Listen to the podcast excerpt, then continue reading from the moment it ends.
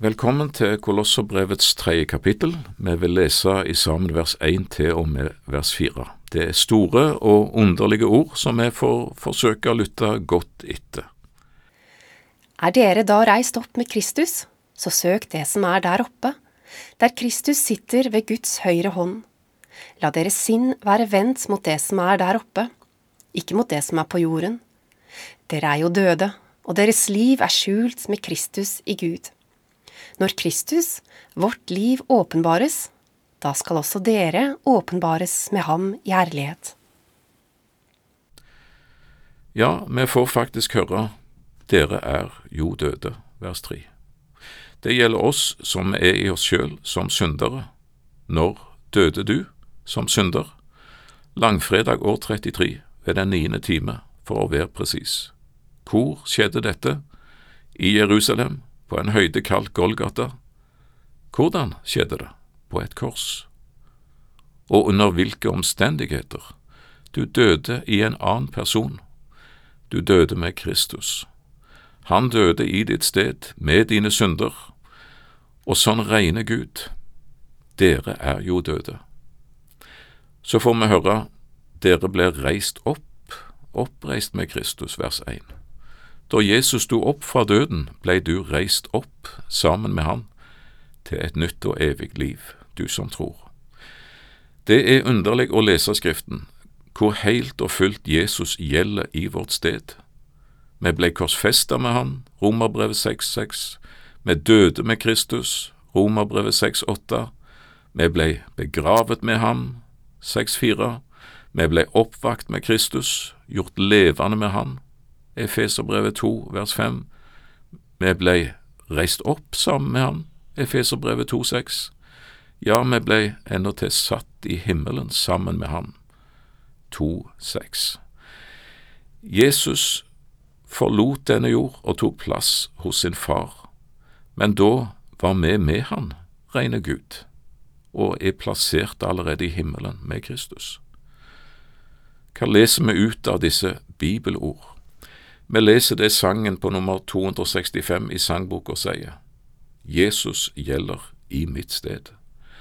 Fem ganger repeterer Trygve Bjerkheim det for oss i hvert vers, så vi skal få det med oss, og han maler betydningen med brei pensel i vers tre. Jesus gjelder i mitt sted, all hans arv jeg eier, hele hans rettferdighet og hans store seier. Det er mye jubel i de orda. Jesus gjaldt helt og fullt i ditt sted i sin fornedrelse. Du døde med han. Men like tydelig i Skriften er det at Jesus gjelder helt og fullt i ditt sted, i sin opphøyelse. Du ble oppreist med han, satt i himmelen med han, velsignet med han med all åndelig velsignelse, i himmelen i Kristus. Så helt og så fullstendig regnes vi i sam med Jesus at vers fire her sier det rett ut. Kristus, vårt liv. Det ordet peker oppover, der Kristus sitter ved Guds høyre hånd, vers 1. Jesus lever, og han lever i dag i himmelen, og hans rene, hellige liv tilregnes deg. Du er død som synder for Gud, og nå er Kristus vårt liv. En kan misforstå dette verset. Dere er jo døde, og deres liv er skjult med Kristus i Gud, vers 3. En kan misforstå det på den måten at en tror at det handler om mitt syndeliv som er skjult med Kristus i Gud. Egentlig er det ikke det dette ordet taler om. Det snakker ikke om ditt syndeliv, men det snakker om Jesu herlighetsliv. Når det gjelder ditt syndeliv, så regnes du som død. Ditt liv er nå skjult med Kristus i Gud, fordi Kristus er vårt liv. Han er din talsmann, 1. Johannes 2 og vers 1. Han er en soning for våre synder. Han er vår rettferdighet. Han er vår fred. Han er vår ypperste prest. Han er vårt liv. Alle disse bibelske uttrykk leser vi i Skriften, i en sum, Jesus gjelder i ditt sted. Alt dette har du i Jesus, og ingenting av det kan du føle eller se eller berøre eller ta på. Din rikdom er skjult til stede i Kristus. Kapittel 2 og vers 3. La meg få sitere Karl Olof Rosenius. Denne rettferdighet er hemmelig og skjult, ikke bare for verden og fornuften, men også for den troende. Denne rettferdighet er satt utenfor våre sanser og øyne, slik at vi ikke kan se eller føle den, men må fatte den bare ved troen. Min rettferdighet er at Han har gått til Faderen. Der er den plassert, min rettferdighet, slik at selv djevelen må la den være i fred. En dag, fortsetter vers fire, skal Kristus vårt liv åpenbares. Han kommer igjen, og vi skal se han som han er.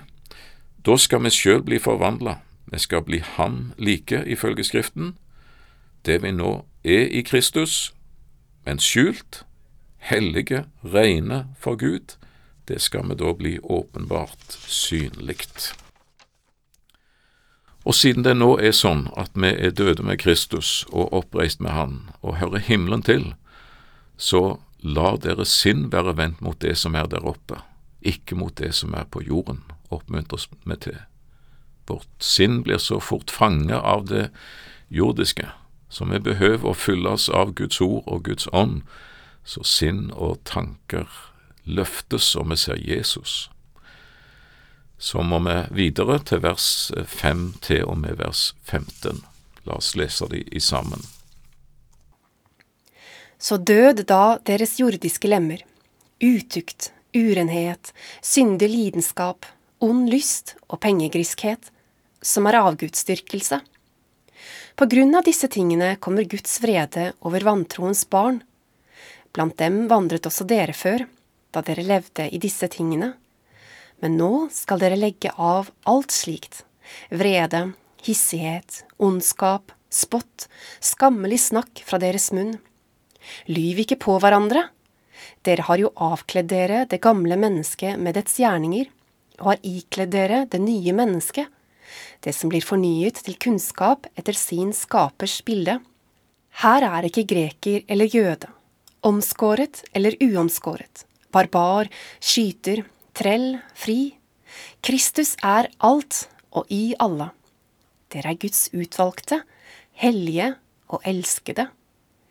Ikle dere da inderlig barmhjertighet, godhet, ydmykhet, beskjedenhet og tålmodighet, så dere tåler hverandre og tilgir hverandre dersom en skulle ha noe å anklage en annen for. Like som Kristus har tilgitt dere, skal også dere tilgi hverandre.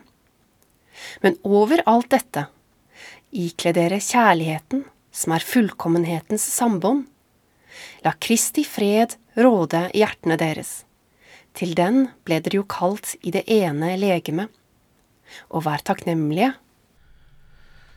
Før, sier vers 7, levde vi i synd og var under Guds frede, vers 8.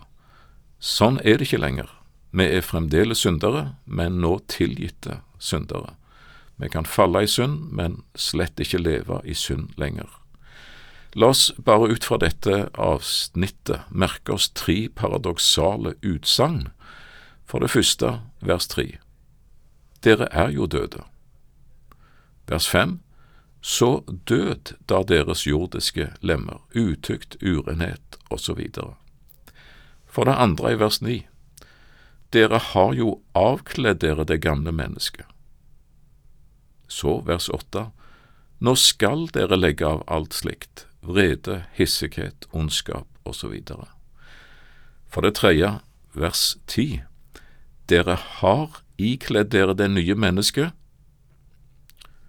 Vers tolv, ikle dere da inderlig barmhjertighet, godhet osv. Hvordan skal vi forstå disse paradoksale utsagn? Er et menneske dødt, så behøver en vel ikke å døde, og er en avkledd, så behøver en vel ikke å avkle, og hvis en er ikledd, hvorfor så ikle? Hvorfor disse paradoksale utsagn? Jo, fordi det er forskjell på frelse og helliggjørelse. La meg sitere Spødjon. Rettferdiggjørelsen behøver kun et øyeblikk, helliggjørelsen tar en levetid. I det øyeblikk du møtte Jesus, fra det øyeblikk er du i Kristus. Død for synd, helt avkledd det gamle mennesket, og fullkomment ikledd det nye mennesket, din Kristus-identitet. Du kan ikke bli renere, mer hellig og fullkommen enn du er for Gud i Kristus. Men hvordan er det så med ditt kristenliv her på jorda, din helliggjørelse? Er ditt liv hellig, rent og fullkomment? Vi snubler alle i så mangt, sukker Jakob. Vi erfarer det Paulus beskriver i Galaterbrev 5, at Den hellige ånd i oss har kamp imot kjødet, syndenaturen, det gamle mennesket som det kalles her i vår tekst i Kolosserbrevet. Og kjødet har dessverre ikke forbedra seg. Kjødet er ikke Guds lov lydig, kan heller ikke være det. Romerbrevet 8 og vers 7. Derfor minner Kolosserbrevet kapittel 3 oss om kampen vi har for helliggjørelse og bli mer lik Jesus i vårt hverdagsliv. Men merk rekkefølgen.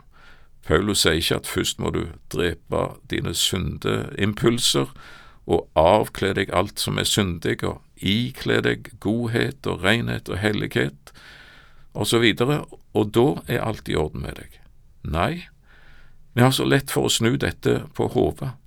Helliggjørelse er ikke en betingelse for, men en følge av, en frukt av rettferdiggjørelsen av frelsen.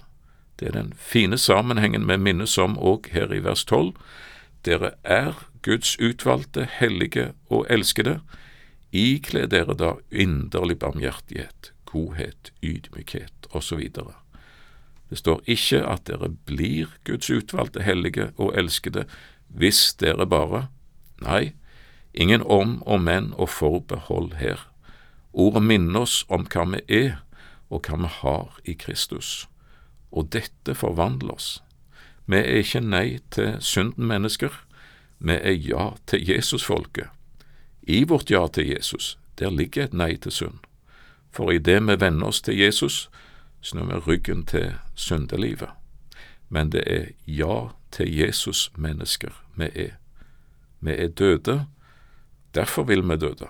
Vi har avkledd, så vil vi legge av. Vi er ikledd Kristus, så vil vi ikle oss.